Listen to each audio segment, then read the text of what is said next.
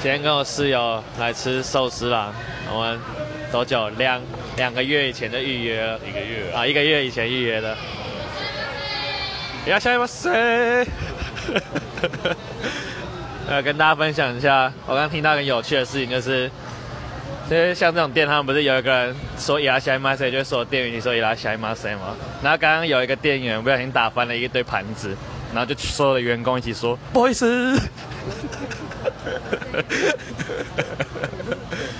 真是不错的员工训练呢。大家下次可以来吃，下次下次来吃寿司郎的时候可以听注意一下。不好意思。好，今天就分享到这里，不不。